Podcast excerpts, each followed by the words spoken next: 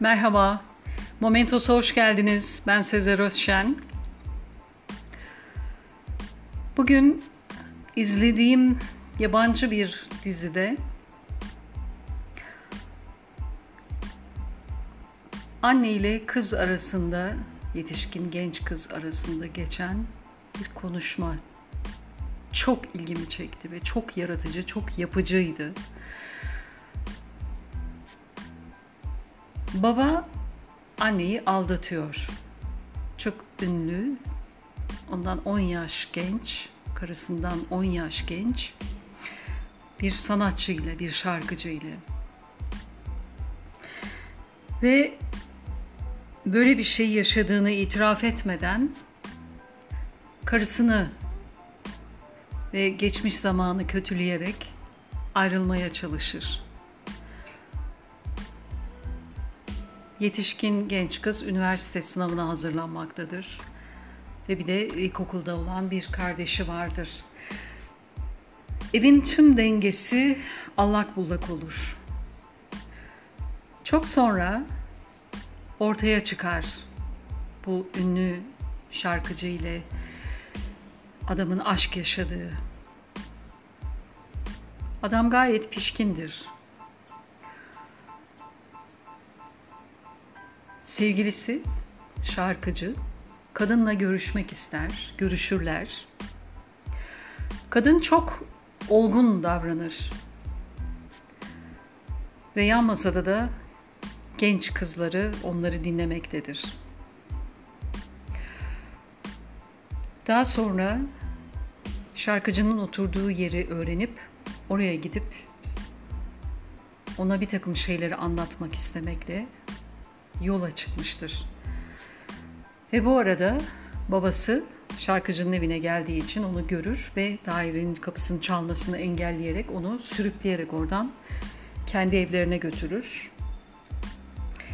Ve e, kıza yaptığının yanlış olduğunu aralarındaki şiddetli tartışma esnasında anlatmaya çalışır. Ama kız haklı olarak ondan iğrendiğini, böyle bir kan bağı taşımak istemediğini söylerken baba tokat atmak üzere elini kaldırır ve o esnada anne devreye girer. O eli tutar ve iki tokat arka arkaya adama akşeder. Daha sonra e, adam gider ve anne ile kız baş başa kalırlar. Ve konuşma şöyle geçer. Anne, sana bir ara komutan Nami'nin önceki hayatını anlatmıştım. Hatırlıyor musun? Kız. Evet. Babana önceki hayatımızda kötü davranmış olmalıyım. Kötüydüm demek. Bizim inancımıza göre insan sadece kendini suçlayabilir. Bu doğru olabilir. Yani suç sende mi? Seni eksikliklerin yüzünden mi aldattı? Önceki hayatımda öyleydim belki. Çok saçma. Bu şekilde düşünmek sana huzur veriyor mu? Ona kızarak mutlu olabilseydim öyle yapardım. Ama bu bir şeyi değiştirmez. Durum buysa tavrımızı değiştirmeliyiz. O kadını görünce ne yapacaktın? Düşüncelerini duymak istiyordum. Neden evli bir adama aşık olduğunu anlayamadım. Biliyorum aşkın sınırı yoktur ama bir türlü aklım almıyor. Bir de çok büyük bir sanatçıdan bahsediyoruz. Sahnede ışık saçan biri nasıl böyle bir şey yapabilir? Oraya sadece bunun için mi gittin? Oraya belli bir amaçla gitmedim. Ona hikayemizi anlatınca yine de onu seçecek mi görmek istedim. Onun gerçek yüzünü görmesini istedim. Bize yaptığı gibi ona da sadece iyi tarafını gösterdi herhalde. Diyelim ki fikrini değiştirdi ve ondan ayrıldı. Peki ya baban ne olacak? Geri dönse bile bir daha eskisi gibi olmayacağız. Bu imkansız. Ona artık saygı ve sevgi duymayız ki. Sence yaşlanıp yalnız kaldığını görsek mutlu olur muyduk? Zavallı durumda olduğu için bir anlığına mutlu olabilirdik. Durumu kabul edelim. Biliyorum söylemesi yapmaktan kolay ama en azından denemeliyiz.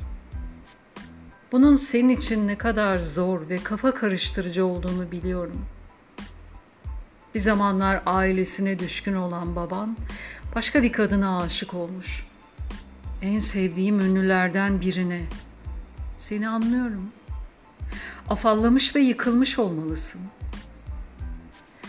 Karı koca iki yabancı olarak tanışırlar. Yolları ayrılırsa yine yabancı olurlar.